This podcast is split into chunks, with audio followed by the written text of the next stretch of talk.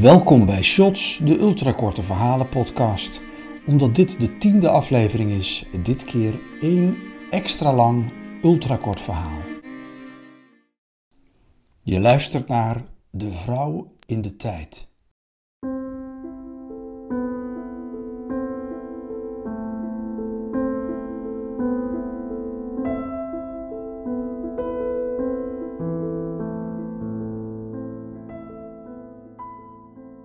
De vrouw in de tijd wandelde een poos. Eerst door de decennia en daarna met hetzelfde gemak door de eeuwen. Er was niet veel te zien, slechts een vage blauwe gloed boven haar.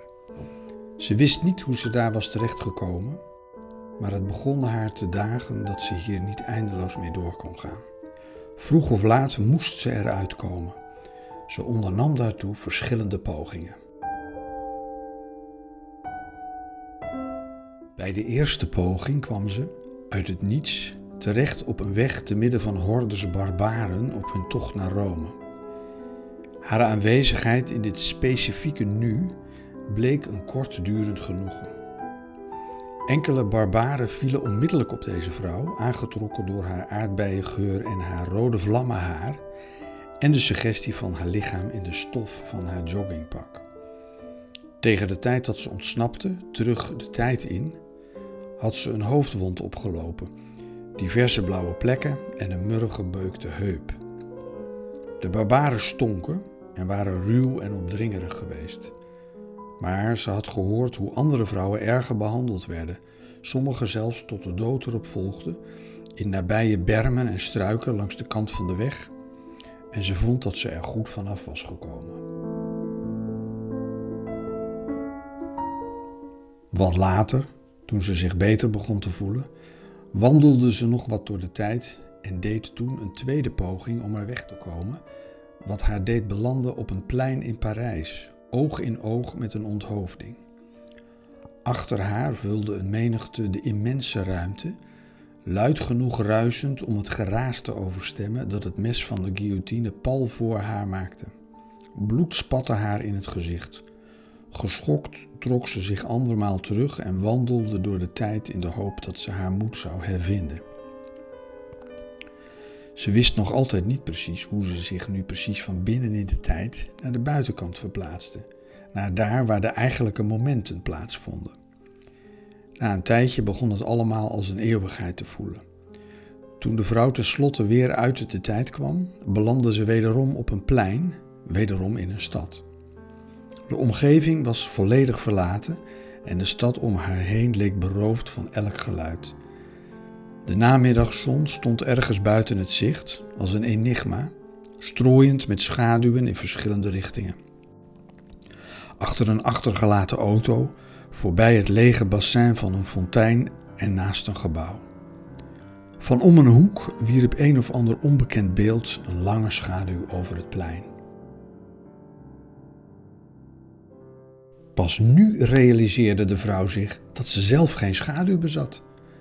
Ben ik hier de illusie? dacht ze, in plaats van deze plek. Misschien had ze naar het einde der tijden gewandeld, waar de mens niet langer bestond en slechts verlaten steden, wegen en landingsbanen en zwembaden had achtergelaten. De gedachte dat ze alleen was, deed een milde paniek ontwaken en in haar borst begon het luid te bonken. En toch, de zon scheen helder en heet en geruststellend. Voor haar wenkte de zuilengalerij met zijn witte pleisterwerk. En een onverwachte koelte vanuit de ruimten tussen de zuilen gaf haar nieuwe energie. Genoeg om weer terug in de tijd te gaan en daar lange tijd te wandelen.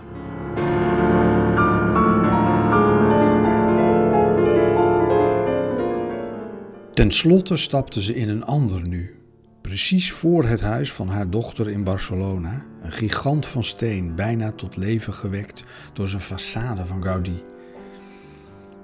Maar hoe gastvrij het er ook uitzag, ze was bang om maar gewoon aan te kloppen en op te duiken uit het verleden van haar dochter, als een ongenode Lazarus. Zou ze nog steeds rood haar hebben, zoals ik? Of is het al grijs? Heb ik kleinkinderen en wonen ze bij haar met donkere ogen en atletisch en slim zoals hun moeder en oma? dacht ze en aarzelde, deinsde achteruit. Misschien moet ik eerst even rusten. Op dat moment werd de voordeur opengerukt. Een jonge vrouw stormde naar buiten. U mag hier niet komen, riep ze boos. Bent u hier nu alweer? U heeft een straatverbod. U moet onmiddellijk weggaan, anders bel ik de Guardia Civil. Ik ben het je moeder, wilde de vrouw uit de tijd zeggen. Maar ze begreep dat ze in herhaling ging vallen.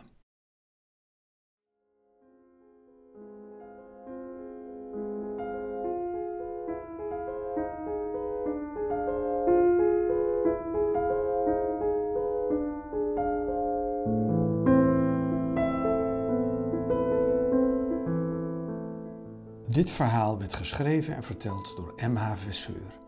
De muziek, de etude voor piano, opus 39 nummer 2 in A mineur van Sergei Rachmaninov, werd speciaal voor deze podcastserie gespeeld en geproduceerd door Jeroen van Veen. In de volgende Shots podcast twee nieuwe ultrakorte verhalen. Abonneer je nu.